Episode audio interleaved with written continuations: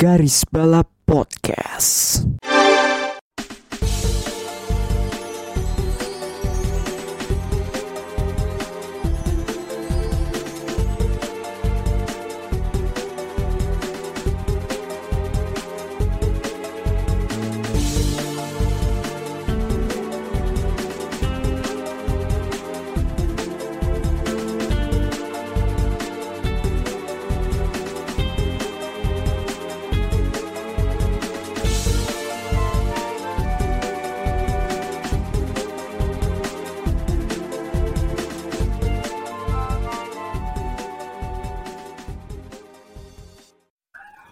Kenapa ada saya? Ya, suara saya, bukan suara admin magang ataupun admin utama. Kembali lagi di Garis Balap episode 66 bersama dengan admin Ayang. Kita di sini nggak sendiri, ada teman-teman dari Sembalap juga, ada Minka, ada Mas Gor sama Cak Nu juga. Halo halo. Anyway, anyway, kita mau bahas apa sih? Gue lupa kan. Banyak. Kita banyak mau bahasnya. Ini tidak hanya sebatas GP Hongare, tapi juga juga mid season yang ditandai dengan berakhirnya Hongare. Sebelum kita ke topik utama, kita ngelanjutin dari space yang kemarin yang kita udah ngalor ngidol 3 jam, nggak tahu tuh ngomongin apa aja tuh. Di ngop, aslinya kita harus ngomongin F2, F3 aja malah jadi gibahin seluruh pembalap. Bingung nggak lo? Ya tapi itu tapi itulah garis balap. Kalau kalau nggak ngalor ngidol bukan garis balap. Tapi kita mau nanya nih. Lebih tepatnya gue sih mau nanya kepada pada siapa pun yang ada di sini, terutama uh, admin-admin sembalap nih. Menurut kalian nih, F2 F3 ini tuh gimana sih season ini? Dari uh, siapa dulu nih? Cak Nu dulu deh.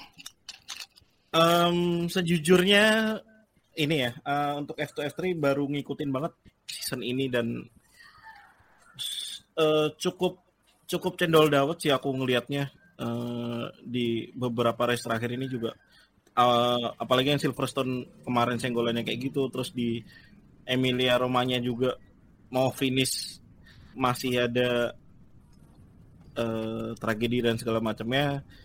Ditambah tragedi off tracknya itu bikin ini sih season ini kayaknya menurut menurutku agak mungkin agak istimewa karena itu tadi cendol dawet walaupun memang aku nggak melihat ada sosok pembalap yang nih tahun depan atau dua tahun lagi pantas buat masuk F1 gitu. Masih belum masih belum melihat ada yang cocok gitu. Setuju banget itu. Tapi aku mau nanya ke Mas Gor deh. Yang menurut Mas Gor dari pembalap dari uh, F2 sama F3 ini yang menurut Mas Gor yang paling impresif penampilannya siapa? Yang paling impresif sebenarnya mirip kayak tadi yang Cak Anu bilang sih. Nggak uh, ada yang benar-benar stand out dibandingin yang lain ya. Kayak cukup anu cukup even playing fieldnya. Uh, kita lihat siapa yang kira-kira bisa naik ke F1 sih walaupun grid di F1 sepertinya buat tahun depan sudah anu ya sudah uh, terisi pengen kalau aku kalau aku pribadi sih tertarik buat lihat Darufala naik sih. Secara pribadi, tapi nggak tahu kapan dan bisa apa enggak. Yeah.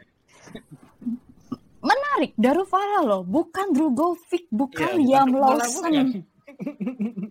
Okay. Menarik, menarik. Kayak kurang nggak sih? Kayak Kenapa? agak kurang aja gitu. Lawson. Iya. Lately. Ya. Lately ya. Mengecewakan. Hmm. Mengecewakan. Tidak sesuai ekspektasi sih. Yo, I. Ya kebetulan aja prediksi saya hancur semua nih gitu. Jadi ya sudahlah gitu untuk season ini sejauh ini ya. Tapi kalau menurut Minka nih, Kak Alia yang paling apa ya mengecewakan ini siapa nih?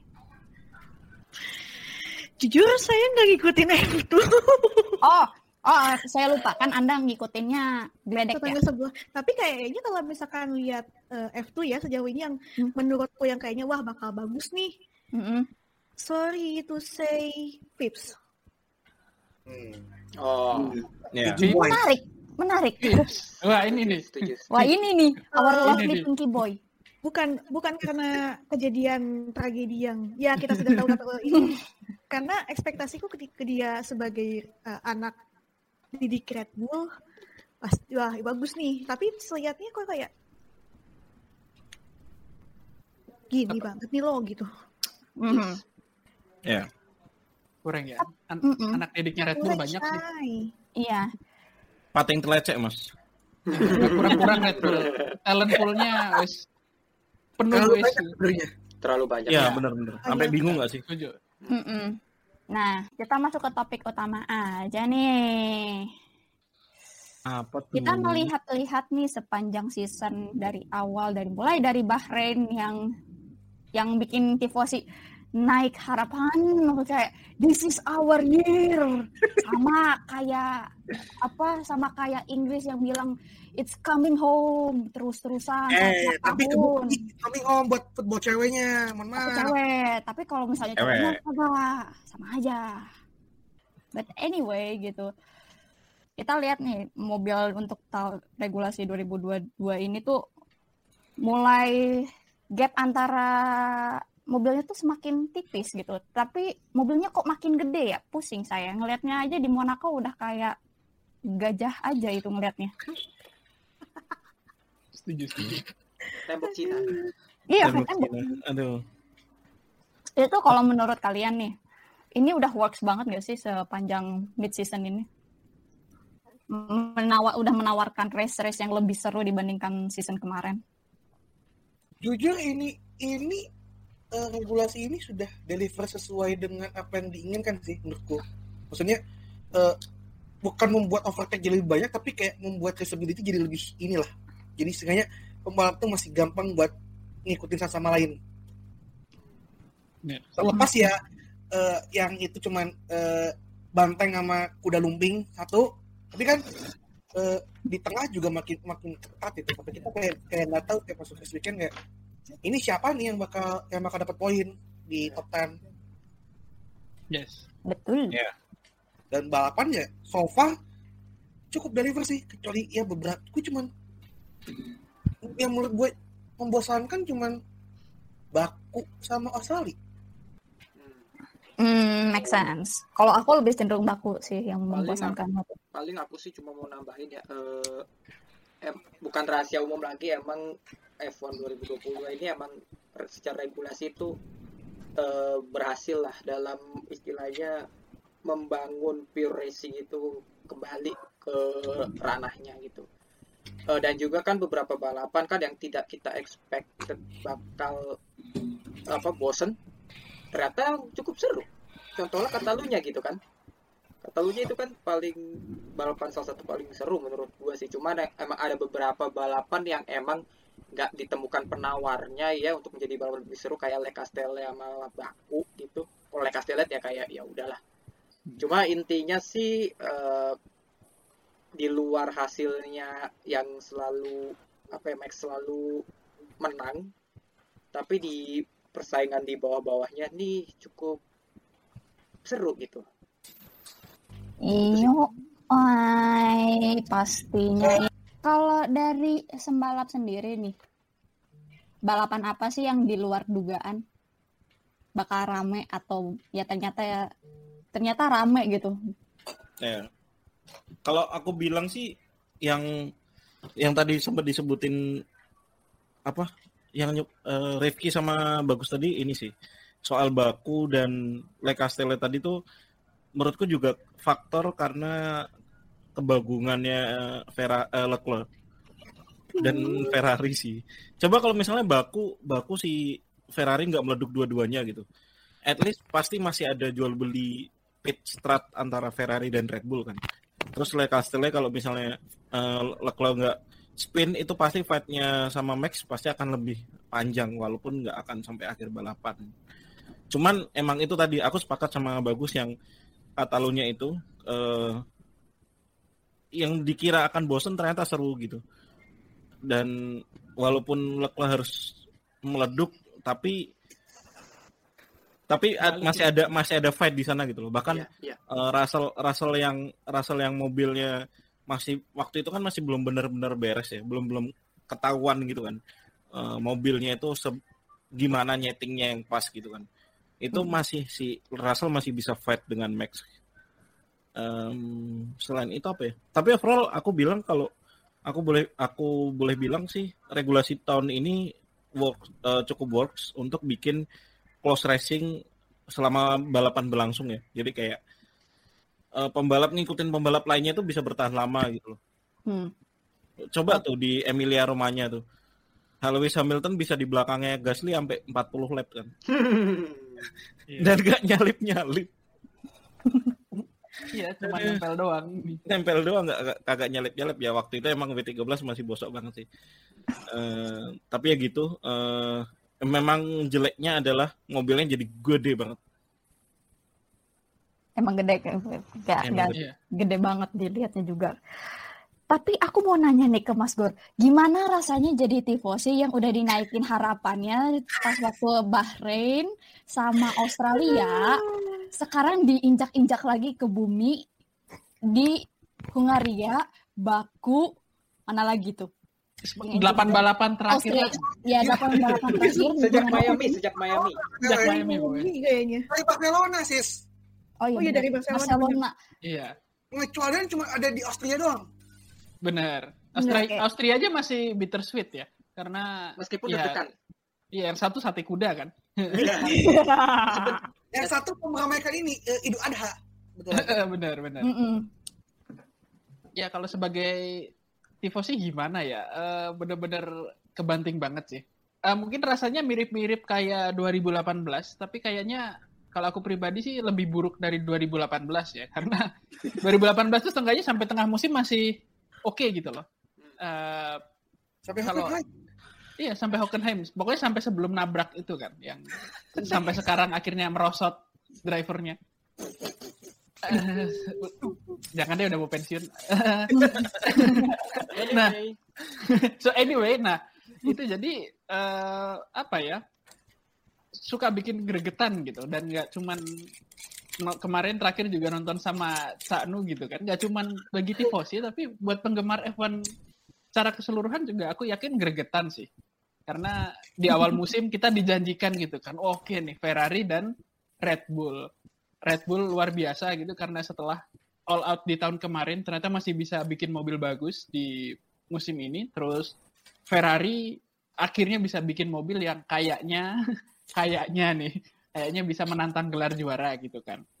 Nah, sampai ke tengah musim mobilnya sebenarnya masih bisa. Kayak aku akan mempertahankan kalau F175 tuh bagus gitu.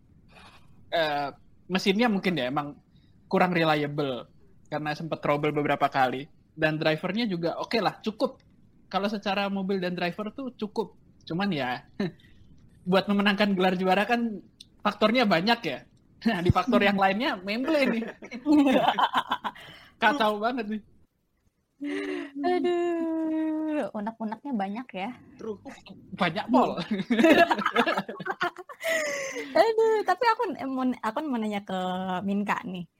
Sebagai manusia-manusia ma- yang memperhatikan drama McLaren, bagaimana nih? Aduh, aduh, aduh. Saya sebagai bandar gosip gosip ini merasa sepertinya akan semakin panas ini McLaren. Saya mah nih? eh, Tapi saya puas mah- nih sama McLaren yang sekarang? Aduh, mau Hmm. komen saya takut guys, saya takut. Tapi kalau lihat McLaren sih ya, Mm-mm. dengan sangat saya sangat jujur nih. Hmm, sorry to say tapi enggak.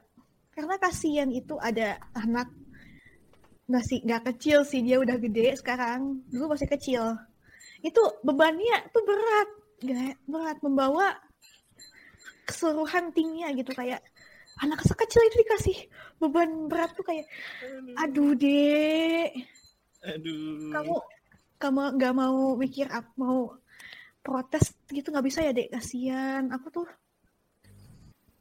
ya bagus Begitulah ya. Tapi Gitu. Nah, sebenarnya ya kan ada ini, ada ada Mbak Luisa sekarang. Iya. Anda Dia bisa menjadi penghibur ya gitu. penghibur Yoi. itu. Pelipur Tapi- lara. Tapi emang di luar satu pembalap itu yang sangat underperform, memang McLaren secara keseluruhan emang mengecewakan sih. Nggak, nggak Setuju. Norris Mhm. juga menurun. Boleh jujur. Ya.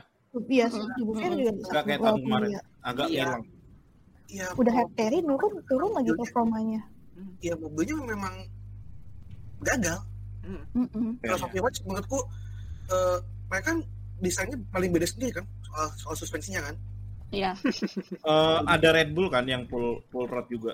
Iya. Tapi kayak Red Bull masih bisa buat membuat itu works gitu loh. ya well Red Bull kan punya punya kartu as ya Ya, Mohon maaf Iya. gitu. Red Bull kan masih punya Eddie Newey nih ya, benar. yang eh, kembali bersemangat gitu kan karena re- apa regulasi ini Mm-mm. jadi ya eh, ya tapi in, in a way I think ya buat McLaren good luck juga buat ngurusin the- this whole mess involving pembalap, dua pembalap ya eh tiga pembalap gitu kan dua F1 plus satu Indy Hmm. Mm, semoga Papa Zack bisa memberikan apa bisa punya lawyer yang bagus ya iya. Oh iya iya.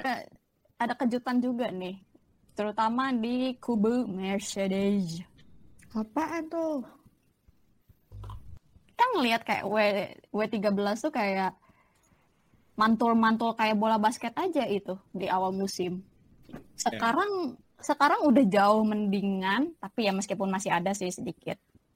Tapi ini surprisingly wow gitu. P3 di konstruktor cuman terpaut 30 poin. Yes. Ya, ya 30 poin dari Ferrari kayak ini pace-nya dari mana dah? Eh, bukan bukan pace ya. Seperti yang dibilang sama George Russell waktu waktu apa di video 2019 Rookie of the Year. Consistency is key. Wis. dan dan Oh iya di PPT-nya dia ya. eh, apa? George konsisten ada di top 5 dan ya given unique circumstances dia dia bisa P2 P3 gitu kan. Mm-mm. dan Mercedes belum pernah ada PR soal reliability di luar mereka Iya. apa dua-duanya keren di Austria ya Mm-mm. Kita ada sih ya, mulus gitu loh Mercedes. Mulus, nggak mulus banget. nggak ada kayak mesin batuk-batuk jadi sat, apa, Hmm. jadi sate kuda gitu kan ya, Pak, ya kita, aja. kita sih ya juga harus kasih kredit ke mesin Mercedes sih. Kak. Secara emang nggak hanya dari tim utama tapi emang dari tim lainnya juga nggak ada masalah yang sama gitu kan. Ya.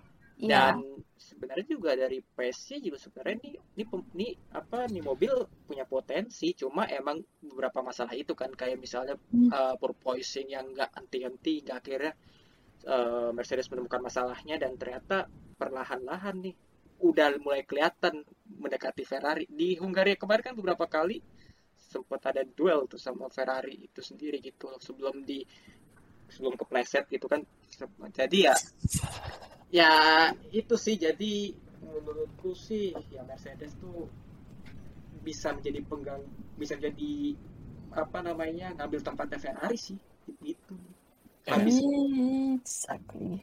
dan juga gue sampai saat ini gue menantikan musim apa paruh musim keduanya Hamilton Oh Iya. iya, Itu. kita Iya, sangat nanti itu. Eh, Ya. gua s- kalau lo bilang ini gue sih apa gue akan berani bilang akhir musim Mercedes P2 in Constructor Championship that's it Oh. Benar ya? Iya. Kita Oh, revisi nanti kita kita nanti revisit lagi aja. Gua- Ah. kita lihat aja nanti gitu loh karena menurut Iya. gue kayak Ferrari akan tetap menjadi Ferrari setelah di paruh musim kedua Ya, Sebenarnya- secara objektif setuju sih aku. Iya. mereka nggak akan membaik sebenarnya ya kalau dilihat dari mobilnya bu- ini bukan gue berarti membela ya emang sebenarnya Hmm. mobil Ferrari itu sebenarnya bagus cuma emang secara kita baru melihat ringkihnya Ferrari F F175 ini seperti apa gitu. Di awal musim kan Ya. dia seperti itu gitu loh. Hmm. udah gitu. Dan juga Austria kan juga menangnya nggak tenang gitu loh. Bener. bukan hanya di luar sains yang ngebakar itu ya tapi di, di leg-legnya pun. Permasalahan throttle dan eh, mesin dan segala macam itu jadi juga jadi mulai tanda tanya nih ini Ferrari apakah apakah akan mem-PHP tifosi lagi ya? Kurasa sih iya Aduh, apalagi hari-hari ini tifosi. ya hari-hari ya. Tapi ini nggak hanya permasalahan ini tidak hanya terjadi di Ferrari aja gitu. Tapi para customernya juga sama. Iya. Apa itu tuh? Alfa Romeo melempem Alfa Romeo sih terutama gitu. kelihatan banget melempem. Kelihatan banget mereka eh DNF-nya tuh mechanical failure-nya tuh sering banget gitu. Keseringan di mesin sih. Iya, Iya dan sering banget. Sering banget. Dan aku merasa kasihan kepada Valtteri Bottas. Tuh Min, itu. Eh, Nggak, itu kan apa, apa Sauber kan jadi ini eh, apa kelinci percobaan buat Ferrari. Iya, tapi kan kayak kasihan aja gitu. Gue ngelihatnya kayak nasib banget dan ini kayak udah pindah demi kontrak yang multi year tapi ternyata dapat mesinnya yang bapuk juga. Kayak ya sama aja ya hasilnya. Ya kayak Tapi kalau dilihat kalau kita ngomongin Bottas, Bottas lebih lepas musim ini. iya Iya. Ya, Ya. iya, benar kalau kalau dari pribadi Botasnya juga kelihatan banget dia di awal musim full senyum kan. Apalagi Iya. Alfa Romeo dia mobilnya kan awal musim kelihatan banget tuh kenceng gitu kan. Walaupun mulai mulai turun kan semenjak baku nggak sih? Kayak Iya. mulai banyak masalah terus si Iya. Joe juga banyak banget eh, banyak DNF juga karena masalah teknis gitu kan. Mesti menepi gitu kan. Terus kalau ya Ferrari secara mesin masih pertanyaan besar besar sih. Walaupun sebenarnya secara konsep mobil aku bisa bilang sebenarnya dia paling all rounder daripada yang lain. Dia dia stop and go-nya stop and go-nya eh, bagus banget. Dan kalau misalnya mau dihajar top speed walaupun masih kurang tapi masih bisa inilah unda-undi sama Red Bull ya yang paling efisien itu kan mobilnya. Terus kalau sedikit balik ke Mercedes tadi, eh aku sempet aku nginget-inget ada perkataan dari salah satu eh, petinggi Mercedes, aku lupa siapa. Eh, mereka tuh intinya bilang waktu itu belum bisa menemukan settingan yang tepat untuk W13. Jadi sebenarnya W13 ini mobilnya oke, tapi settingannya itu sangat track dependent gitu. Kayak Hungaroring kan mar- kemarin kan juga mereka bisa kenceng karena suhunya dingin gitu. Iya. Coba eh, di hari Jumat kan di hari Jumat kan W3 apa Mercedes kan nggak kelihatan kan. Iya. Free practice satu Iya. dua. Begitu Sabtu hujan, terus minggunya juga eh, kondisi habis hujan itu eh, mobilnya kenceng gitu. Nah kalau misalnya panas kayak Katalunya itu kan sempet tuh em, eh, Lewis Hamilton mau ngepush tapi eh, dilarang karena kalau misalnya mesinnya dipaksa ngepush bisa meleduk gitu kan. Nah ini yang bedain antara Mercedes sama Ferrari menurutku. Mercedes tuh tahu batas mobil dan mesinnya gitu kan. Hmm. Ya nggak sesempurna itu reliability-nya tapi ketika udah overheat udah jangan ngepush. Nah kalau Ferrari tuh entah kenapa kayak apa sensornya tuh nggak nggak di, di- nggak dipasang apa gimana gitu loh. Untuk mengetahui bahwa mesin itu overheat apa kagak gitu ya. Oh, Soalnya juga di tim radio juga tidak ada tanda-tanda untuk memperingatkan pembalap untuk tidak ngepush gitu. Ya nggak sih? iya itu loh. Itu. Iya, itu yang Aku bedain. nggak aku nggak pernah denger tim radionya itu. apa ya mereka sendiri nggak tahu kapan mesin itu bakal leduk gitu loh. Yang soalnya kalau di Red Bull kan sempat kita denger ya tim radio pas mobilnya Max ada masalah atau eh, Perez ada masalah itu ada warning. Jadi Hmm. mereka antara bisa mengendalikan pace mobilnya atau malah ya udah DNF tapi nggak perlu ngambil penalti gitu karena mesin Iya. nggak rusak kan. Tapi memang ada masalah. Nah kalau Ferrari tuh enggak dan ini yang akan bikin mereka kesulitan lawan Mercedes sih. Karena Hmm. Mercedes eh, secara tim lebih solid, lebih apa namanya? Mereka penampilan lebih konsisten. Kayaknya di akhir musim kalau Mercedes itu di P2 Constructor, hadiah pertama harusnya dikasih ke Ferrari. Soalnya eh, apa ya? Bukannya Ferrari ngasihin, tapi emang karena Ferrarinya ngebadut terus, jadi mereka yang penting adalah eh, race clear, aman, udah auto P2, P3 Iya. lah. Minimal Iya. P5 tuh, eh, sorry, top 5 tuh udah pasti di tangan gitu loh, karena Iya. selalu ada Ferrari yang nyeser di pinggir jalan. Loh, itu juga kalau misalnya nanti Red Bull juga jadi WCC juga mesti berterima kasih ke Ferrari yang ngebadut juga sih. Iya sih bener, Makanya bener. awal musim tuh aku udah ketar-ketir loh serius sebagai fans Red Bull ya. Iya. Ketar-ketir ngel- ngelihat F175 anjir kenceng banget, nggak kekejar gitu kan. In term of pace ya emang ini tuh hampir setara F175 sama RB18 ya. Iya. RB18 nya Red Bull gitu loh. Cuma ya itu banyak variabel-variabel lainnya yang Ferrari tidak bisa atasi gitu kan. Iya. Yes, setuju. Sama ini sih kalau kalau kalian lihat itu ya. Ferrari ini bagus di di quali pace. Ya kita lihat kita lihat lah gitu Leclerc kan berapa berapa pole tuh musim ini kan? Iya. 8 Mm-mm. atau berapa? Iya. Eh, Banyak- delapan. Salah satu yang terbanyak lah. Terbanyak bah. Ferrari 7 pole. Eh, Leclerc 7 pole. Oh Leclerc 7, Sainz satu kan. Satu. Hmm. Eh, ya tapi mereka ketika Wenit Madrid di hari Minggu ya berantakan. Iya. Iya. Pace-nya atau ya strateginya goblok. Seperti Kayaknya mulai mulai strategi emang udah mulai goblok emang sih. Seperti itu ya, seperti meme-nya apa meme, apa foto yang diedit oleh Scuderianya sendiri yang memasangkan mahkota Paul King di kepala Leclerc. Ya benar, Itu emang. sebenarnya udah Oke. tanda-tanda itu. Ya ya ya it- ya kan Leclerc kan emang, emang Paul Merchant. Iya. Emang. Paul aja terus, Paul Paul Knock. aja terus, menang kagak. Menang kagak. Podium aja kalah sama Lewis kan jumlahnya. Yes, sedih sih. Waduh. Ya, Bisa-bisanya Lewis yang ngepor di di awal gitu. 6 podium. yang ngeluh-ngeluh misuh-misuh soal mobil kayak oh, gue sakit pinggang kayak begini begini malah jadinya halo Pitu. Ya mung- mungkin Assalamualaikum podium. mungkin Malah- Ya, begitulah. Gimana gimana? Mungkin apa ya banyak orang kan juga eh, bilang bahwa Mercedes podium itu ya berkat gosok voucher ya tapi makin dalam Hmm. beberapa balapan ke belakang tuh enggak loh sorry sorry ya Makin gosok voucher. Iya. enggak enggak gosok voucher sama sekali dan itu udah mulai mendekati ya enggak enggak enggak deket banget dengan pace-nya Red Bull tapi ya tanda-tanda aja sih ya, Ferrari harus siap-siap waspada sih soal Mercedes ini Gitu. Bahkan Ya, Balapan kemarin- dulu aja yang benar Ferrari itu. ya balapan aja Iya. dulu yang benar. strateginya sih kalau kalau mobil sih ya bisa kapan it happens gitu loh tapi strateginya itu Iya sih.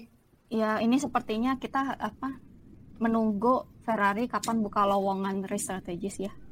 Kita ke mesin Mercedes yang lainnya. McLaren gimana nih ya? Ini nggak hanya rebutan soal Piastri aja nih gitu. Ribut-ribut Piastri sampai udah dikasih signal hush hush hush. Ada satu particular person. Oke. Ini gimana ya? Siapa yang bakal jadi best of the rest sih lebih tepatnya? Karena melihat Alpine sekarang tuh surprise, surprisingly bagus lah. Despite mereka ada DNF di Saudi kemarin, terus sampai Alonso aja kayak bingung sendiri kayak ini mobil kenapa gitu ya gitu. Terus sama saat ditambah dengan unreliable teammate-nya gitu. Gue jadi Alonso bakal stres sih. Tapi turns out sepanjang musim ini Alpine nunjuk, mulai nunjukin pace-nya. Terutama pas Hungaroring kemarin oke juga loh meskipun ya startnya agak ya begitu friendly fire. Bukan cuma start doang. Strateginya Bukan sih itu. Strategi Banyak balapan itu bantek-bantekan itu. iya. Naik balapan iya Nggak, am- sampai itu Daniel kayak, oke terima kasih saya di- udah kasih ruang kosong. Iya. itu bisa bisanya bisa bisanya digocek Daniel loh Bisa bisanya loh digocek. Nggak, bisa bisanya loh digocek apa pembalap yang mau ditendang sama McLaren. Nah, Untung kesel, nggak kesel. nah, ya kira-kira nih siapa yang akan di best of the race gitu di P4 terutama di P4 nih. McLaren atau Alpine? Misalnya dua-duanya punya goblok semua. tapi Eh, lebih goblok Alpine gak sih Alpine Lebih goblok Alpine sih. goblok. justru lebih Iya. goblok Alpine secara kemarin liatin aja itu strateginya Alpine kayak apa Ya, Iya iya iya. si Alpine ya dua dalamnya goblok. Tapi juga Iya. McLaren juga musim ini kayak McLaren tuh. McLaren Jadi- lebih lebih faktor ke pembalap sama mobilnya gak sih ya itu. Ya. Setuju Iya. banget. Kalau Alpine Alpine tuh goblok secara manajemen timnya dan Hmm. strateginya kalau McLaren tuh mobil MCL 36-nya bapuk. Habis itu pembalapnya cuma satu gitu. Iya, itu itu sih Itu, punchline-nya itu. Susah Itu. kalau mau jadi best of the rest yang poin cuma satu. Tapi kalau aku aku bilang se sekonflik apa pun se istilahnya nggak tahu ya selevel konfliknya tuh di dalamnya kayak apa Alonso dan bisa jadi sama Ocon tuh mereka berantem di balik layar. Tapi yang jelas eh, seberantem berantemnya mereka mereka tuh poin dua-duanya gitu loh. Mm-mm. Lebih konsisten untuk poin dua-duanya dibanding McLaren gitu. Jadi kalau eh, untuk best of the rest akhir musim I would say McLaren sih. Eh sorry Alpine. sorry. Hampir. Kayaknya. Kok agak Gak, sinkron otak sama mulut. Udah. sih ya gitu ya. Kan? menurut menurutku kayak bau-baunya ini bakal ada sesuatu gitu loh di Alpine coming in apa eh, di second half ini. Hmm. Gak tau ya, kayak, kayak, kayak aku mencium bau-bau kita akan lihat toxic Alonso at his finest. Hmm, ya. Oh Iya, iya, iya. iya. Ya. Iya. Iya. bisa sih Kayak Bisa dia, banget. dia, udah dia udah confirm join Aston gitu kan dengan dengan menusuk eh, Alpine gitu kan. Ketika Alpine udah overconfident bahwa ya udah kita bisa secure dengan kita bisa secure Alonso gitu kan dengan dengan kontrak yang lebih yang lebih rendah dan juga cuman single year plus satu tahun di LMDH. Hmm. Tapi kan ya kenyataannya you forget you deal with Fernando Alonso gitu dan juga Fabio Briatore. Iya. Benar. Betapa, betapa anjingnya itu. Nggak Belum perlu. Terlepas apa kayak in I think in less than 48 hour Shambles Piastri. Hmm. Iya. Mohon maaf ini Lauren Rossi goblok sih menurut gua. Luka Demeo sama apa kalau orang bilang pada nyalahin ke, ke si Otmar, Enggak. gua bilang lo goblok semua lo. Yang lo salahin ya CEO-nya lah. Ya. Lauren Rossi sama Luka Demeo tuh. Iya. Soalnya kan gue sih turut bersimpati sih sama Otmar sih karena sampai aja sampai-sampai kan gua yang sebagai admin Garba kan sampai nge-tweet ini opung Otmar ada apa nih? Tolong cerita dong gitu. Kayak kasihan gitu loh di Iya. diajak bicara curhat gitu kan. Tapi ya ya aku sih setuju sama Arif di sini nggak bukan salahnya Umar sama sekali sih. Di, di luar kendalinya dia sih pasti dan dan juga oh ya dia hanya sebagai ya ya bawahan dari petinggi-petingginya Alpine jadinya ya dia nggak bisa ber- berbuat banyak juga dan ya itulah ba- banyak banget banyak banget kejadian beberapa waktu lalu yang membuat Otmar pusing kepala juga kelihatannya sih gitu Ya, Ot- Otmarnya lucu gitu loh. iya Dia udah keluar, dari satu lubang jarum masuk ke lubang jarum yang, lain gitu. iya iya iya iya. dan juga menurutku malah lebih ini para Alpine sih daripada Aston itu sendiri gitu loh. Tak kenapa ya? Karena meskipun Aston begitu tapi eh pro- apa namanya cukup cukup apa ya? Terorgan, terorganize kalau gue bisa bilang ya meskipun meskipun masih ada eh, siapa si Lawrence masih turut andil di situ yang meskipun kayak nggak perlu juga tapi Aston Martin tuh menurut gue masih mending sih daripada Alpine itu sendiri soalnya kalau Alpine udah udah sejak dipegang Lauren Rossi udah kayak ya nggak jelas begitu udah benar-benar nggak nggak jelas yang nggak jelas sudah Dan ditambah lagi tiga tiga tahun tiga, tiga tim prinsipal yang berbeda. nah Enggak. itu Hmm. setidaknya kalau si siapa si Lauren Stroll sejak dia apa namanya take over Force India sama Racing Point tuh dia tuh masih sama Otmar terus kan gitu loh Ya. kasih kepercayaan ke sama Otmar sama Mike Crack. ya sekarang kan sama Mike Crack dan kemungkinan sih ini bisa jadi apa namanya arah yang bagus nih Aston Martin dengan Mike Crack bisa jadi gitu.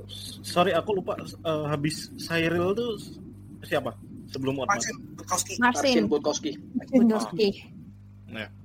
yang kalau inget di Abu Dhabi pas foto bersama dia tuh posenya tuh tangannya sambil kayak posisiin tuh ngasih jari, jari tengah gini loh. Oh iya iya iya Iya. iya iya. Kacau. Itu saat itu juga dia kayak langsung kayak menunjukkan bahwa dia tuh kayak well fuck you Alpine. Hmm. I am free. Iya.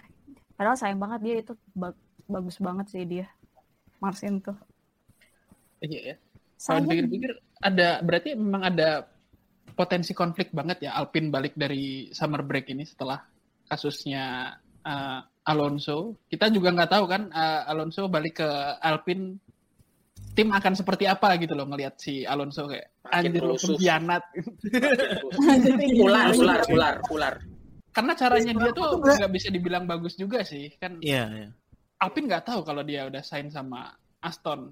Eh Tapi- ya shit house aja gitu. Tapi menurutku juga salah Alpine juga sih yang terlalu kayak meremehkan Alonso gitu ya. Meskipun Hmm. he's just two time apa grand apa world champion tapi egonya itu loh bukan Iya. main Lupa kalau Alonso Lupa kalau with, ini. with this guy gitu loh Anda lupa Alonso ini yang bikin McLaren jadi shambles di, di tahun 2007.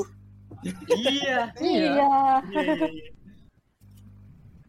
Anda lupa ini orang yang yang berani-beraninya main politik di Ferrari gitu loh di 2014. Iya Makanya. dan juga yang buat ya salah satunya ya membuat McLaren di 2015 2016 2017 itu jadi kayak ya udah jadi kayak ya udah udah gitu Nah, maka Iya. berantakan Mm-mm. dan Ya, jangan, jangan lupa mereka mereka masih punya kewajiban Piastri FP1 loh. Nah iya loh. Iya, iya. kayak bakal kejadian sih itu itu Matias Cuma Bagaimana? agak agak freak aja sih setelah apa yang terjadi. Iya. Iya kayak, why. Jadi ya ya sudah lah gitu ya. Ini kalau kita ngomongin Piastri, eh, dia bisa mengalahkan Michael Schumacher loh, btw. Karena Oh iya bener. Butuh satu balapan untuk memicu sebuah battle line. Oh, Apa yang terjadi sampai depan. iya. Oscar Piastri turun FP1 aja belum pernah, udah sampai bikin ribut. Kata konflik. Iya. Ganjing lagi. dunia persilatan. Oh, berarti calon-calon future god ini nih. Belum juga turun udah gonjang ganjing dunia persilatan. Nah itu dia. But Taunya anyway. ngeflop. Ya. Sudah diperebutkan gitu ya, tapi taunya sekian dan Terima Iya, info. Terima nasib. gimana sih? Terima invoice. Sekian dan terima nasib. But anyway, speaking of terima invoice, kayaknya Has ini cukup surprising juga nih, seba- meskipun sebagai tim yang sering terima invoice terus-terusan nih, tim procurement-nya nih sama tim finance-nya nih. Kayaknya itu anak accounting-nya udah sa- sakit kepala kali ya ngeliatin ini apa, invoice apa lagi, ini kayak jatuh tempo, apa ini kredit apa lagi. Udah capek kali ya mereka. Capek lihat Iya, anak finance-nya udah capek kali ngeliatin ini kok kagak balance. Oh, ada invoice lagi ternyata yang jatuh tempo. Tapi jujur aku cukup surprise sama Has. Hmm. Surprise banget kayak K-Mac yang libur setahun gitu. Libur legit liburan gitu. Libur setahun langsung skor poin P5 itu kayak langsung kayak mohon maaf ini dari mana anda libur anda liburan kan anda liburan nih di US nih ya liburan gitu intinya tapi kok anda masih bisa ya gitu dapat pace segitu ya kayak bisa gitu ya. bisa gitu ya gitu Bisa gitu loh. Mm-mm. Gitu ya. ya meskipun ya pada Saudi kema- pada Saudi dia agak sedikit menurun karena ya mungkin karena track baru juga kan dia nggak pernah apa nggak pernah coba Coba. sebelumnya gitu. Tapi masih tetap poin kebetulan kayak pin pinain kemarin tuh. Tapi ya abis itu ya khas just being khas gitu kan. Hmm. terutama ya kita lihat juga kan di Monaco kemarin Mick crash mobilnya kebagi dua gitu. Itu terus kayak bikin orang finance pusing kayak ini kita harus berhemat ya guys. Terus orang mekaniknya kayak nggak bisa nggak bisa. Ini mobil harus tetap jalan katanya. Tapi finance-nya nggak bisa. Jadi ya berdebatan lagi. But aku cukup surprise terhadap Mick sih sebenarnya. Apalagi dia setelah Silverstone lepas banget sih itu kelihatan. Iya. I'm free. Iya. Gimana nih? Itu itu sebelum balik ke settingan pabrik di Ya. Yes. tapi aku, Oh, ta- tapi aku rasa sih kalau yang untuk performa khas di Austria itu juga kebantu track aja sih track dan Hmm. dan juga kan Haas kan juga punya track record bagus gitu di di, di Austria ini gitu dan Mm-mm. kelihatan bahwa si Mick maupun Kevin Magnussen ini tidak menyanyiakan itu dan akhirnya double point again Iya. sejak Mm-mm. si- ya gitu. jadi ya emang cukup mengejutkan ya setelah awal musim kemarin tuh penuh kelumit banget ya eh, se- Mm-mm. sejak disingkirkannya pembalap kebanggaan itu. Eh, dan juga sponsornya akhirnya minggat gitu kan dan dan akhirnya juga eh, mobil khas benar-benar sangat minim sponsor main sponsor terutama mengingatkan kita terhadap Brown tahun 2009 itu. Oh iya benar. dan sempat di, sempat se- sempat di apa sih namanya sempat digadang-gadang akan menjadi wah ini kayaknya khas akan jadi Brown 2009 nih. Tapi ternyata enggak juga. Tapi Iya. tapi emang menurutku sih performa musim ini cukup menggambarkan Has is back. Meskipun nggak back banget sih cuma ya Has menurut gue emang udah ke jalan yang bagus aja sih. Dan sekarang kan P7 gitu loh. Meskipun kayak nggak bakal ke P6 juga sih cuma menurutku mentok-mentok P7 dan ya tergantung lawan juga sih karena Alfa Tauri juga lagi begitu juga Ya mohon maaf.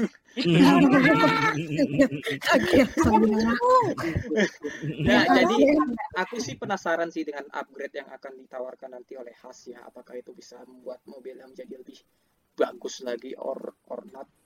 Ya, Ya. bahkan bahkan dengan performa yang kayak dengan up, dengan tanpa upgrade pun performanya luar biasa gitu Haas. Gitu. Dan sepertinya admin magang berusaha untuk melakukan provokasi kepada saya. Ngompor dia tuh sebenarnya. Apa sih? You. Nggak, tapi kalau kita mau ngomongin khas ya, eh, ini sesuai apa yang gue harapkan sih dari khas. Maksud gue dengan mereka berani meng- melepas musim 2021 dengan mobil yang tekniknya sama kayak tahun 2020 tambah sedikit upgrade itu kan di Imola Mm. ya the kick off benar-benar tepat sih benar-benar ya langsung P5 gitu loh buat seorang Kevin Magnussen dan ya terlepas mic yang sehabis kotak sama Ocon ya ngilang aja kan nggak nggak nggak kelihatan sama sekali ya eh, arahnya udah positif gitu loh. Walaupun memang ya kebanyakan tagihan mereka membuat mereka mendelay terus upgrade mereka ya dan ujung-ujungnya cuma bakal bawa satu major upgrade di apa apa di Hungaria dan habis itu udah langsung fokus ke musim selanjutnya. But ya it's bener-bener progres yang sangat positif ditambah itu eh, Mick berhasil memanfaatkan peluang dengan baik gitu Eh, ketika dia dikasih skenario balapan yang chaotic kayak Silverstone mereka bisa seize the opportunity dan Mick dapat first point dan itu ya ya kita, ya kita semua nangis lah ya ngelihat apa reaksi keluarga Schumacher itu kan. Ada Iya. motif eh, kita kayak I wish we wish Michael was there kan to see his ya setelah itu ya, ke, eh, ya lepas itu. Dan Austria punten nih bisa ngena, bisa nahan Hamilton berapa lama tuh selama sprint kan Yes, Iya. Iya, Iya. Kai. itu seru sih. of the best sepanjang balapan Iya. ya Benar-benar. Mm-mm. Itu teamworknya khas sih sebenarnya. Kan karena eh, Mick juga dibantu sama DRS-nya dari Kevin juga kan itu. Iya. Iya. Tapi Dan- ditambah juga penempatan mobilnya Mick bagus defendingnya dia rapi iya. Iya, rapi. Setuju. Makanya kayak ini ini kerasukan bapaknya apa gimana dah Kok bisa ngerasukin? Apakah bapaknya? Ya, Ya, Iya. Kalau mulai. tidak boleh, tidak sopan, tidak sopan. Rekaman kemarin udah aku Mas Gor. Mas nanti Jangan dikat lagi. reveal kayak itu ya, kayak the stick the stick eh, the stick Iya. kayak di Top Gear ya.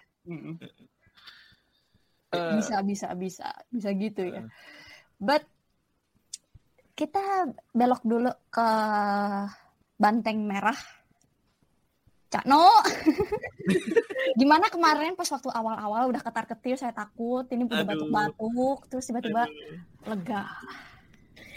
Huh, asli, asli ketar ketir sampai dua tiga balapan tuh masih ketar ketir nih. Bakal batuk atau enggak dan terbukti juga di Australia batuk kan. Nah, Batu. apa ya sampai sampai finish tuh nggak bisa tenang walaupun Max misalnya di depan gitu tuh. Kayak pas di Emilia Romanya tuh juga anjir nih bakal batuk ya, bakal batuk nggak ya gitu. Tapi ya Red Bull Red Bull sih. Jadi eh, perbaikannya cepet dan gercep gitu kan. Begitu kemarin pas di Australia kan mesinnya Max langsung dikirim ke Jepang kan. Langsung di langsung dikirim ke ahlinya dan ya habis itu kan mesinnya masih bisa dipakai lagi bahkan sampai eh, dipakai 7 atau 8 balapan gitu kan mesin yang PU satunya gitu kan. Mm-mm. Eh, itu juga ketolong karena Max-nya juga gercep nggak nggak ngapus mobilnya dan langsung matiin mobilnya. Tapi balik kalau mau ngomongin mesinnya eh, mesin RBPT-nya ini yang sebenarnya masih Honda itu juga eh, aku agak ini sih sedih ngelihat banteng light. Iya. sebutin aja cak sebutin sebutin sebutin, sebutin. Aduh. Sorry ya admin ayang ya. Sedih banget. Enggak, Nggak aku sedih. Aku aku tuh sedih sedih yang apa ya kayak eh, lebih ke simpati gitu loh kayak Sedih Tahun- kasihan iya aku tahu kok. heeh. jadi kayak tahun kemarin tuh Alfa Tauri tuh GG nih gitu kan. Gasly-nya menjanjikan untuk selalu bisa menantang Pasquale itu P5 gitu kan. P4, P5, P6 gitu kan. Bisa berada di zona itu gitu kan. Nah, lately eh, udah pertama udahlah awal musim mesinnya batuk ngikutin Red Bull, perbaikannya lama. Habis itu lately juga performa Sonoda sama siapa Gasly itu Gasly. kurang oke gitu. Malah ngespin bareng tuh Iya. Kocak sih. Eh, Enggak, Cak, itu mereka eh, mau ikut olimpiade itu. Olimpiade. Ada, ada, Synchronize ya. ada cabur ini kan, synchronous swimming iya kan. sinkronis Iya. ya, ya. Nah, kalau ini synchronous spinning. Eh, yang ada tuh kalau F1 synchronous spinning tuh kan kalau udah akhir musim biasanya tribute ke or salah salah salah satu pembalap gitu kan. Nah, ini tuh enggak. Apa? Itu pas lagi balapan gitu loh. Dan udah gitu panik-panik gitu loh kayak Aduh. kirain gua Alfa Tauri mulai mempertimbangkan untuk mendirikan komunitas Rimulat Itu bukannya itu bukannya Ferrari Scuderia ya? satu lagi ya. hmm. iya, iya? Oh iya. Iya, makanya.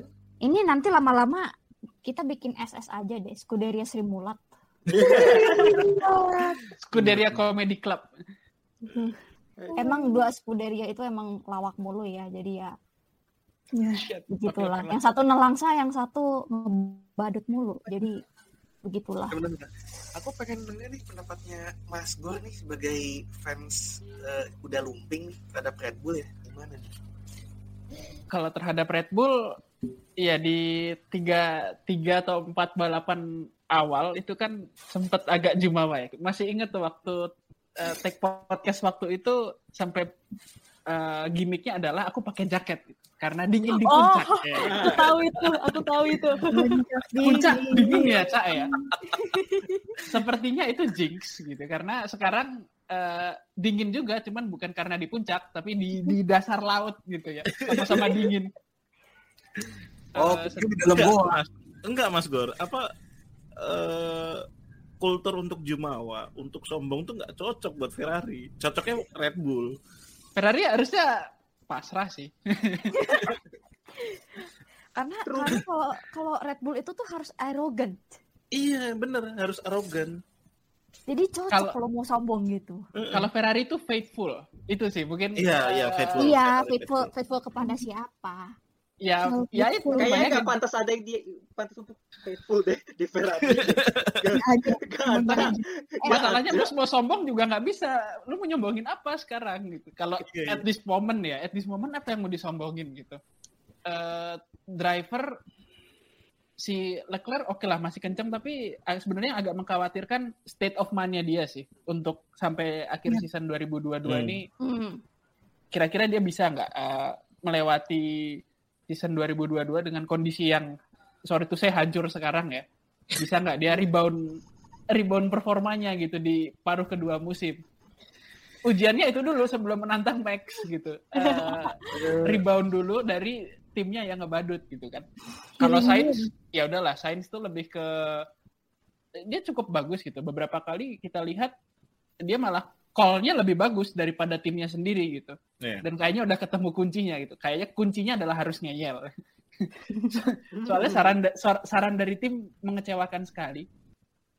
Kalau buat Binotto sendiri ya ini menariknya adalah kalau di klasemen dia tetap di posisi ketiga Ferrari eh, bisa jadi tahun depan didepak sih. Karena nggak ada peningkatan dari musim sebelumnya kan kalau cuman di posisi tiga juga Mm-mm. Iya. Mm-mm. Oh, menarik. Dan menurutku ya. Uh.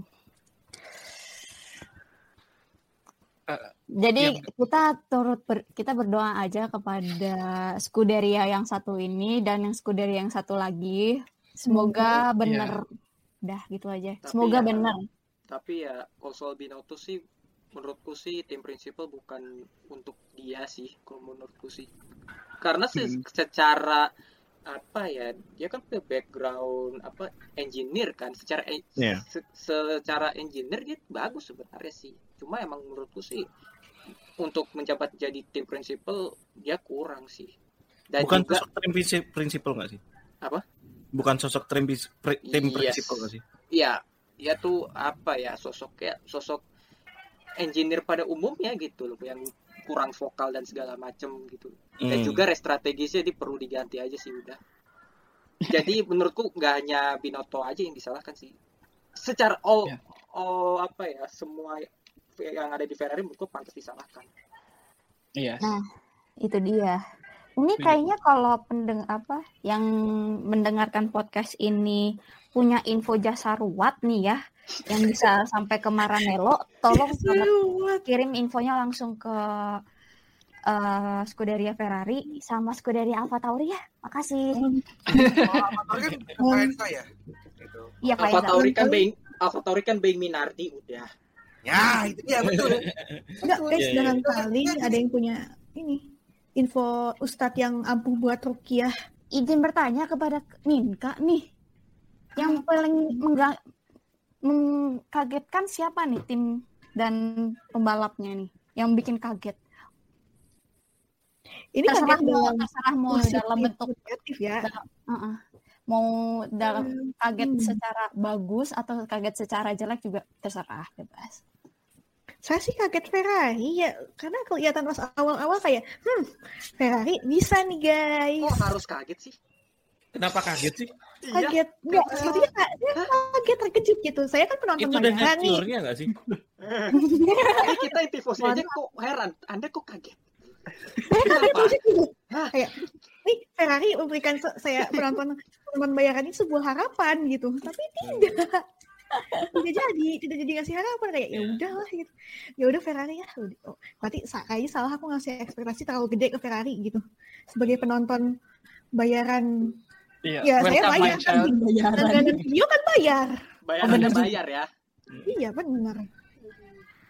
Udah kayak itu Sebetulnya nggak apa-apa kayak, kali ya. kayak apa panitiaan ya.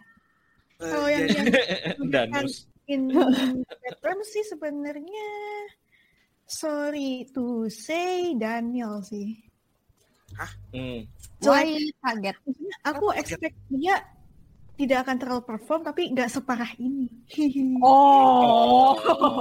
Performnya Oh. karena lihat kalau misalkan kita lihat dari musim kemarin oke lah menang sekali tapi kan setelah itu Udah. udah ya udah gitu. Aku Eh, aku pikirnya mungkin dia tahun ini kayaknya nggak dapet deh ini persaingannya mungkin akan ketat tapi ternyata ekspektasi saya kayaknya keting- kayaknya kerendahan emang emang ternyata ya untuk teman-teman fans dari Ricciardo saya minta maaf tapi emang faktanya seperti itu teman-teman jangan Udah ekspektasinya Jangan rendah, didobrak. ternyata lebih rendah gitu ya. tolong jangan didorong our DM saya really low, but holy fuck. Iya. nah itu Sesuai mimin tuh. Iya, ya, saya nggak ngomong.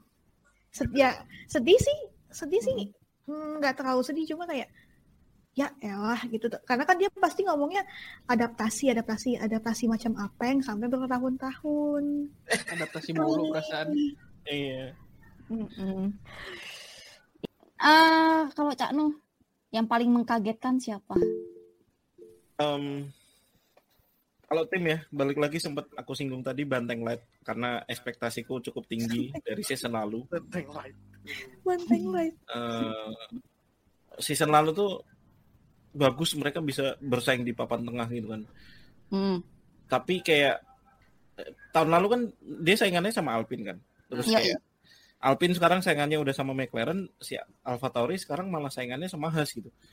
Itu tuh penurunan yang menurutku jauh banget nih. Kenapa? Saingan sama Aston Martin. Oh iya sama oh ya sama Aston Martin dan Williams. eh, kalau Williams emang masih dihitung Ki. Williams Masih masih dihitung. Cuma satu digit loh. Satu digit loh. Belakangan ini apa tahun ini Enggak, Apa? Apa? Apa? Anda apa? Apa? Apa? Apa? Apa? Apa? Apa? Par podium nangis. Par podium diam. Login login login. Enggak kalau kalau McLaren tuh kan katakanlah di carry satu pembalap tuh mo- mobilnya nggak sejelek itu ya. Hmm. Nah Williams tuh udahlah di carry satu pembalap, mobilnya kurang Mobilnya oke gitu. Iya. Iya. Double combo.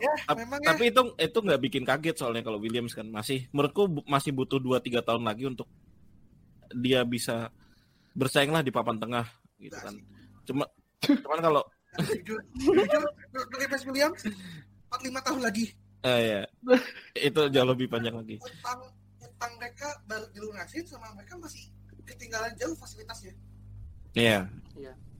Hmm. Ya, cuman kalau ngomongin yang kaget tadi sih aku yang itu tadi sih below expected banget si Alfa Tauri ini kayak tau-tau ngilang aja gitu. Gasling Gasling ngilang, Sonoda awal musim eh, diluarkan dalam mobil kelihatan udah lumayan dewasa nih setelah DTS kemarin ke eks, ke Iya. expose di expose mungkin secara sengaja eh, sifatnya yang Fuck seperti you, itu. Marco. Terus Sarahin aja. terus malah disuruh ke psikiater dan segala macam eh, menurutku agak yang bukan agak sih emang kurang sih eh, Alfa Tauri musim ini padahal ya eh, secara filosofi mobil setpot dan segala macamnya kan sama Red Bull kurang lebih sama ya Ah, tapi mo- tapi mobilnya itu kayak ngilang aja gitu loh kayak nggak bisa dibawa kencang aja gitu terus cuma jago di top speed doang tinggi nah kalau Gitu. Gitu. kalau pembalap Pembalap siapa Pem- nih, Cat? pembalap tuh eh either Perez atau Norris sih. Karena Ceko Oh, tuh Eko. Cek- Ceko tuh Ceko tuh awal musim ini ya, awal musim oke karena ya memang RB18 waktu itu cenderung understeer kan. Tapi habis itu habis eh, Kobam di Monaco tuh nggak masih tipsy gitu loh, nggak sober-sober sampai sekarang gitu. Turu. Turu. Turu, turu, turu. Enggak, Ca, itu kan ini apa nuansanya orang tua baru. Hmm, iya, Baru punya baby kan. iya, iya, iya, bener. Mungkin ini kali kalau gara-gara kemarin yang kayaknya ribut sama istri kali. Iya bisa jadi. Bisa jadi. diusir suruh tidur di luar gitu kan Ngetrem mulu sih di Monaco. makanya kobamnya tuh tipsinya sampai sekarang masihan gitu kan kalau Norris tuh lebih karena season lalu tuh dia cukup menjanjikan ya bahkan sebenarnya hampir bisa menang kalau dia nggak ignorant gitu kan terus eh, musim ini tuh walaupun dia poinnya cukup banyak dan maksudnya cukup menghasilkan untuk McLaren menurutku masih kurang aja gitu untuk seorang Norris gitu Eh, kayak agak ngilang sih walaupun lately ag- udah mulai muncul kembali ke permukaan Hmm. Iya. Oke, Mas Gor, gimana? Ya, Tidak, sepertinya Anda tidak kaget dengan Ferrari ya? Nah, kalau ngomong eh, yang paling kaget, ya sebenarnya nggak kaget-kaget amat sih sama performanya Ferrari. Lebih ke kagetnya mereka ternyata sedemam panggung itu ya kalau apa namanya bertarung untuk posisi pertama tuh wah langsung auto goblok aja gitu kayak lupa untuk hal-hal yang basic tuh bisa miss semua Mas Goris. Pa- parah banget gitu. Eh, ketika oke lah 2020 kan mereka emang udah tahu ya kena apa namanya kena hukuman gitu jadi ya udah gitu kan. Terus 2021 eh, targetnya juga bukan jadi pemenang kan rapih gitu. Walaupun emang mobilnya waktu itu kurang. 2022 pas kan jadi relatif lebih bertarung di depan langsung kayak amatir semua. Eh, timnya demam panggung banget. Itu sih yang yang bikin kaget. Kalian se selupa itu apa cara buat menang gitu loh. Nonton video tutorial menang kali. Ini Maksudnya, ada yang mau pasangin apa eh, back song lagu ESQ gitu loh. Sambil curhat sambil nangis gitu kan. teng Ya ampun. Atau mungkin apa? Yang eh, teng teng teng film teng yang pustaka gitu loh. Yang film paling Iya. kecil. bila terkecil di bumi piano kecil terlepas dari anu ya eh, internal dan kultur mereka yang mungkin toksik karena terlalu tanda kutip Italia banget tapi kok ya lupa gitu caranya menang sampai ya udah eh, benar-benar jadi lawakan kan. Sedih sih sebenarnya tapi ya udah mau gimana lagi. Eh, nyatanya emang seperti itu kan. Untuk Iya, hal-hal kayak kemarin pasang ban hard aja gimana nggak nggak bikin pusing coba. Kita yang nonton aja hah hard gitu loh. Udah hopeless. Itu pas pasang Hopeless. ban hard tuh udah hopeless. Habis ngawur lagi manggil- beneran. manggil Pit lagi nyalip lu nggak nonton balapannya apa gimana sih? Gitu. Mistik yang amatir gitu loh. Kalau aku kita kita ngerunning tim F1 banyak gagalnya wajar gitu. Kita nggak punya basic itu kan. Tapi mereka bukan orang baru. Ferrari juga bukan tim baru. Tapi kelakuannya payah gitu kan.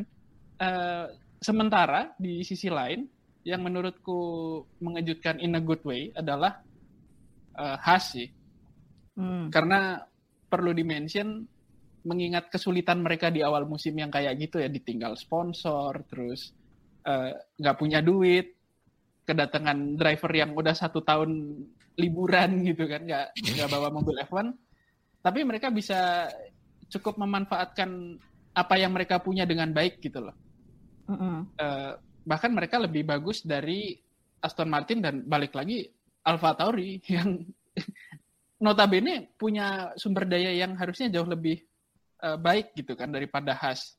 Tapi Haas bisa eh, bertarung dengan baik. Alfa Tauri sih yang sempat beberapa kali tuh ngobrol sama Cak Nu sama Minka juga. Ini kayaknya Alfa Tauri ini perlu nih di dijadiin sorotan nih. Kenapa merosotnya bikin apa ya? Bikin Parah sedih sih. Not even best of the rest gitu loh kan. Musim sebelumnya mereka bertarung tuh untuk best of the rest. Ini lawannya Aston Martin sama Williams gitu loh. Betul sekali. Aduh, harus you can do better guys. Nggak tahu kenapa ya. Ada ada apa sih di Alfa Tauri? Coba cerita deh. jadi kita pindah jadi kita pindah ke sesi curhatnya admin ayang Curhat tenang. Iya, karena karena sejauh itu gitu sama sama sister timnya Red Bull kayak ya udahlah mereka udah Ya, udah itu purna semua gitu. gitu. heeh. Tapi masa sejauh itu sama Alfa Tauri, come on man. Ya, sejujurnya aku juga tidak mengerti kenapa satu tim yang bernama Scuderia Alpha Tauri ini tuh kayak harus seperti ini ya jatuhnya tuh ya gini banget gitu ya. Perasaan 2000, 2020 aja gak segininya banget gitu. 2021 oke udah bagus, udah pace apa udah dapat nih momentumnya. Kok malah 2022? pakai kesetelan pabrik Minardi? iya, 2022 throwbacknya ke Minardi jauh amat. Nah, itu udah udah udah ngaku tuh. Udah jawabannya itu. Semesta mengembalikan Anda menjadi sebuah tim minat. Well, well, well. Ya itulah kalau ya perlu di tapi aku harus mention juga Yuki sekarang udah mulai dapat momentumnya dia udah mulai eh, mulai bisa lebih mengendalikan diri gitu. Tapi yang aku bi- ba- jadi bingung adalah ada apa dengan Pierre Gasly? Bukan nih bukan Pierre Gasly. Pierre Gasly. Pierre Gasly. Tapi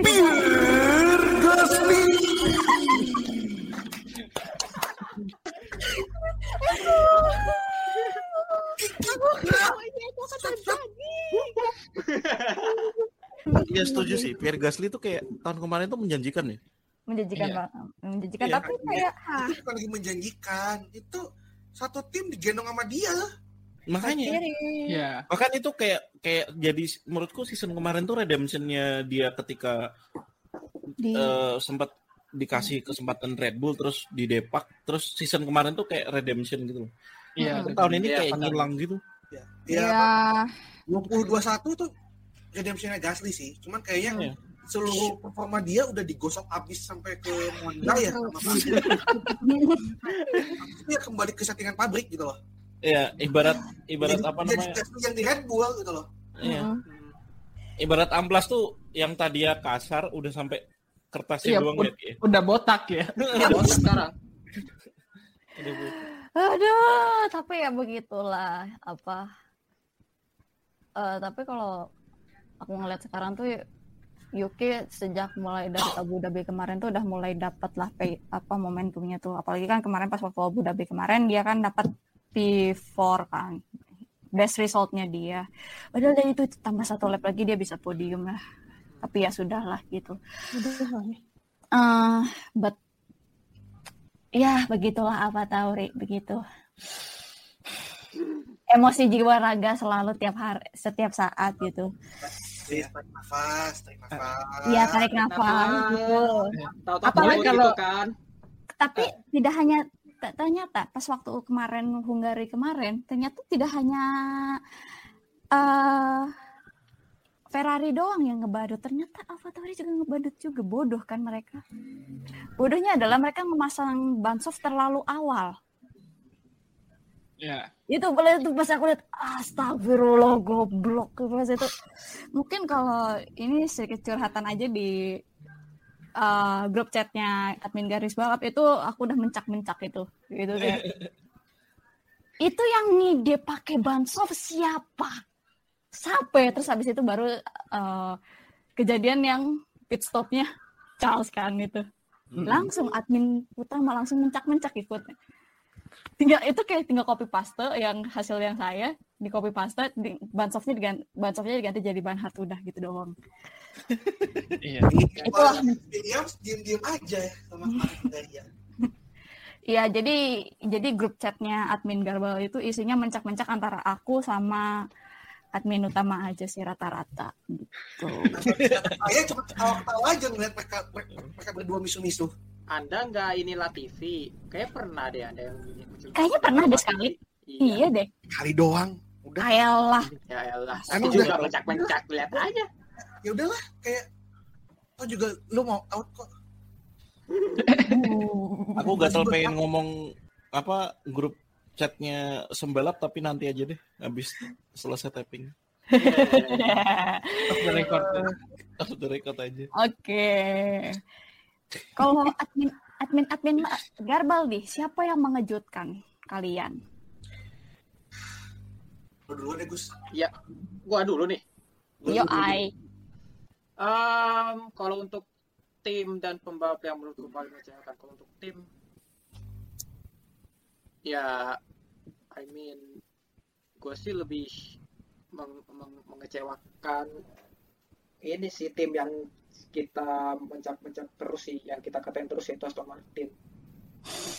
I mean dengan apa ya meskipun emang sih belum belum perlu belum dili apa belum perlu dinilai ya eh, mengenai performanya. Apalagi kan Aston Martin ini kan sedang membangun fasilitas baru gitu di di markasnya kan. Eh, untuk 2024 dan itu perlu dinilai lagi. Tapi menurutku sih Aston Martin dengan eh, mesin Mercedes yang bagus tapi dan juga sidepod dan sidepod tiruan gitu kan dan juga bagian sayap belakang yang sangat revolusioner. Kalau bisa kita bilang yang mencelah apa namanya menemukan celah regulasi gitu tapi tetap saya performa seperti itu ya menurutku sih ya Aston Martin sih yang menurut gue yang paling mengecewakan. Hmm, menurut gue ya ya, oke. Eh, kalau untuk Mike kalau untuk pembalap sih sebenarnya eh, kalau menurut gue sih it's apa ya gue harus kasih benefit of the doubt juga sih untuk Ricciardo sih karena ini juga McLaren juga kelihatan banget juga kayak masih mempelajari regulasi baru juga dan juga kelihatan bahwa mereka udah lepas musim ini untuk apa namanya ke musim berikutnya dan apa namanya ya nggak hanya Ricciardo doang Norris juga performanya turun seperti yang aku bilang sih jadi Mm-mm. eh, jadi untukku Ricciardo sih bukan nggak bukan yang paling mengecewakan tapi ada salah satu yang mengecewakan sih yaitu ya sorry admin Ayang Nggak apa-apa. Ya, nggak apa-apa. Biar Gasly ya itulah jadi eh, Udah nggak kaget, nggak apa-apa. ya itu sih Apa? menurutku sih secara kualifikasi juga seperti itu Eh, balapan juga carut marut di luar juga. Ah, Alfa Tauri yang ngide, sok ngide gitu kan. Eh, ya gua nggak tahu sih ap- apa apa ada apa dengan Alfa Tauri tapi gua rasa sih le- lebih ke mobilnya sih. Soal pembalap sih aku Hmm. rasa nggak ada masalah sih. Mm-mm. lebih ke faktor mobilnya aja dan berbeda banget sangat 300 sangat 180 derajat performanya. Musim lalu kan eh, bisa dibilang langganan Q3 lah ya biar Gasly Yes. Lumayan. sementara lumayan musim sering. ini Q2 aja udah alhamdulillah Eh, Yep. jadi Boro. menurut guru ya makanya itu Q2 aja udah alhamdulillah gitu jadi menurut gue sih ya Pierre Gasly sih yang ya, ya underperform tapi kalau tapi kalau untuk tim dan pembalap yang menurut gue cukup impresif tim ya lebih kalau Red Bull sebenarnya sih udah, udah ya emang seperti itu as it is gitu. Mm-mm. menurut gue sih ya ya sama lah kayak beberapa pendapat lainnya. Ya khas sih khas juga menurut gua cukup eh bukan apa namanya cukup overperform itu dengan tat dengan sisa para musim pertama yang tidak membawa upgrade baru karena juga duitnya juga kepake buat perbaikan mobil tapi Hmm. mereka juga mampu mampu bounce back dengan baik gitu. Dan beberapa kali masuk Q3 juga gitu. Kevin Magnussen kembali ke khas dengan membawa warna baru gitu kan. Dan juga sebagai eh, gurunya dari Mick Schumacher di luar Sebastian Vettel maksud jadi menurutku sih kasih eh, tim yang paling mengesankan. Terus juga untuk pembalap eh pembalap sih kalau menurutku sih George Russell ya.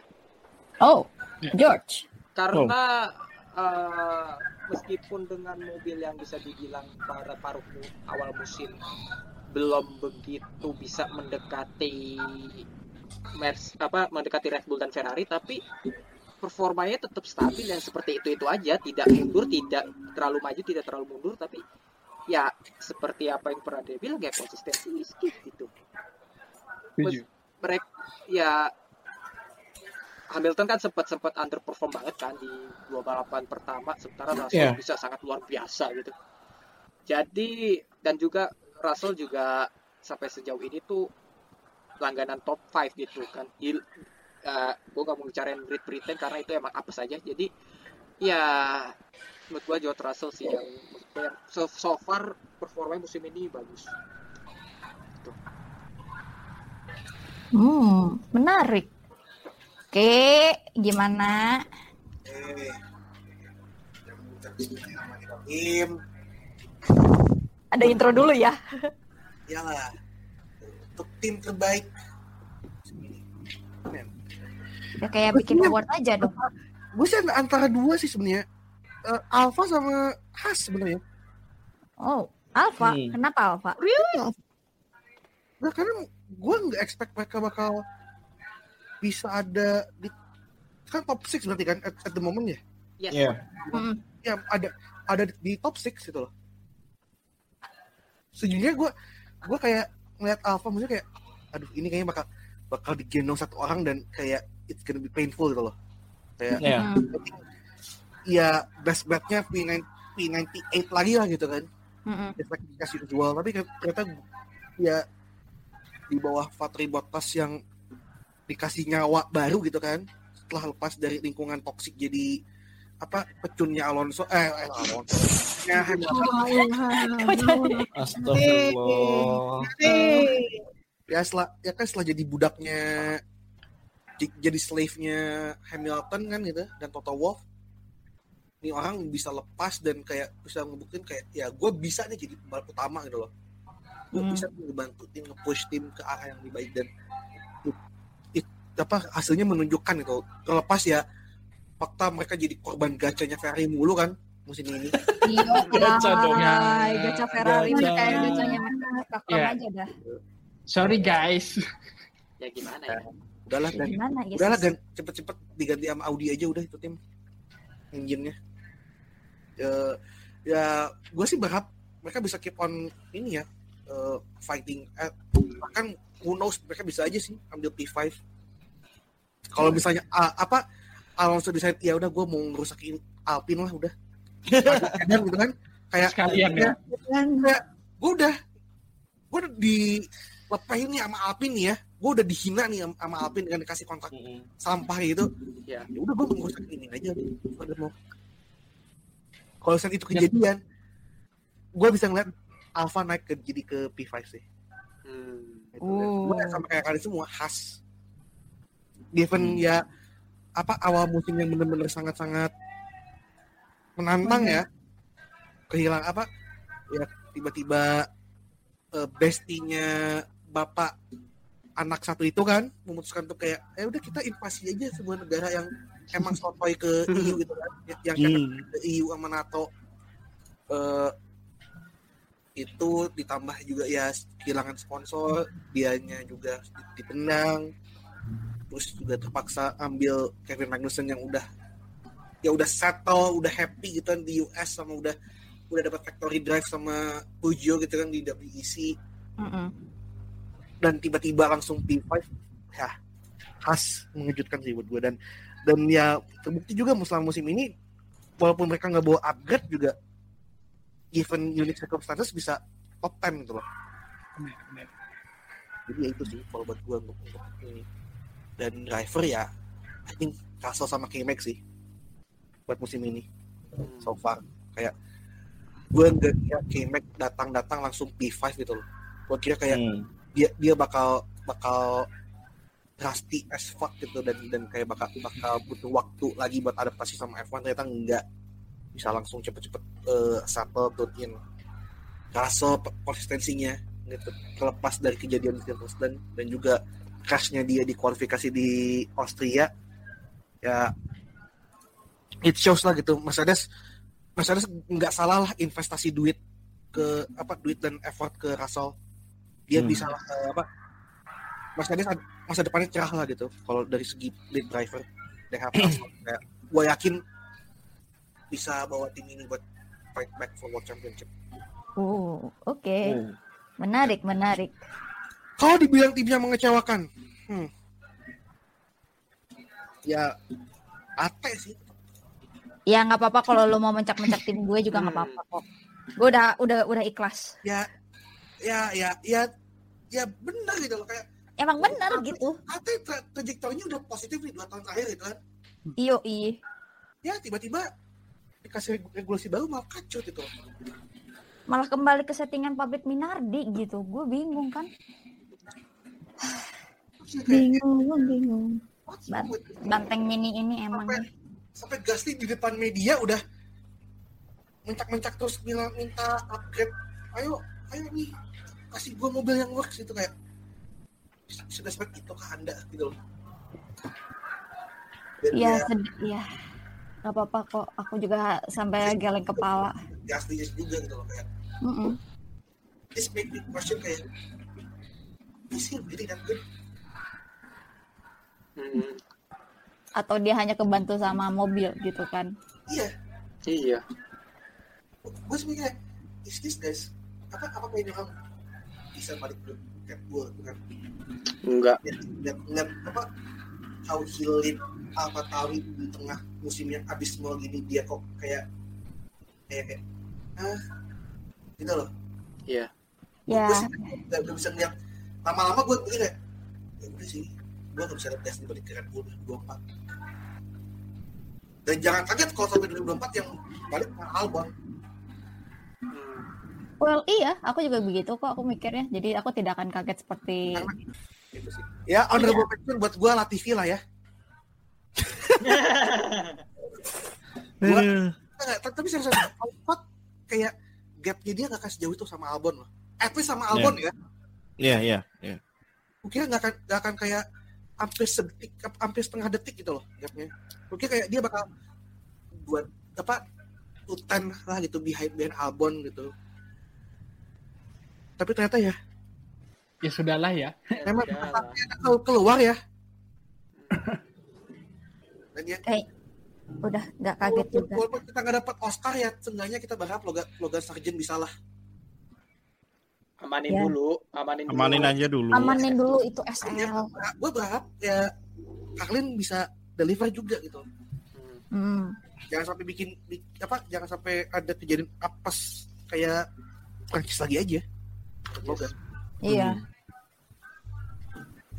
Jadi ya begitulah. Gak usah tanya admin ayang seperti apa kagetnya ya kaget. Jadi, Asal jadi tahu, adalah Iya, aku tahu at 80 is a shitbox. 8003 is a shitbox. dan Pierre Gasly selanjutnya kayaknya pindah ke Super Formula aja lagi ya. Malah menurutku tuh skema yang kemarin sempat mencuat Gasly pindah ke Alpine atau McLaren tuh Itu the most likely sih. ya itu akan menurutku akan memberikan kesempatan baru Gasly untuk membuktikan dirinya lagi sih. Hmm. Ya, tapi Apa tapi, nggak akan gelut tuh? nggak- tapi cuma masalahnya kalau Gasly ke Alpine. eh, No no no kalau- no no no no no no. Kalau no. Gasly, kalau Gasly ke McLaren nih ya, Kebanting sama Lando. menurutku bakal sama kayak Daniel. Iya. Hmm. Karena tipenya Gasly sebagai driver mirip kayak Daniel. Iya sih, iya iya.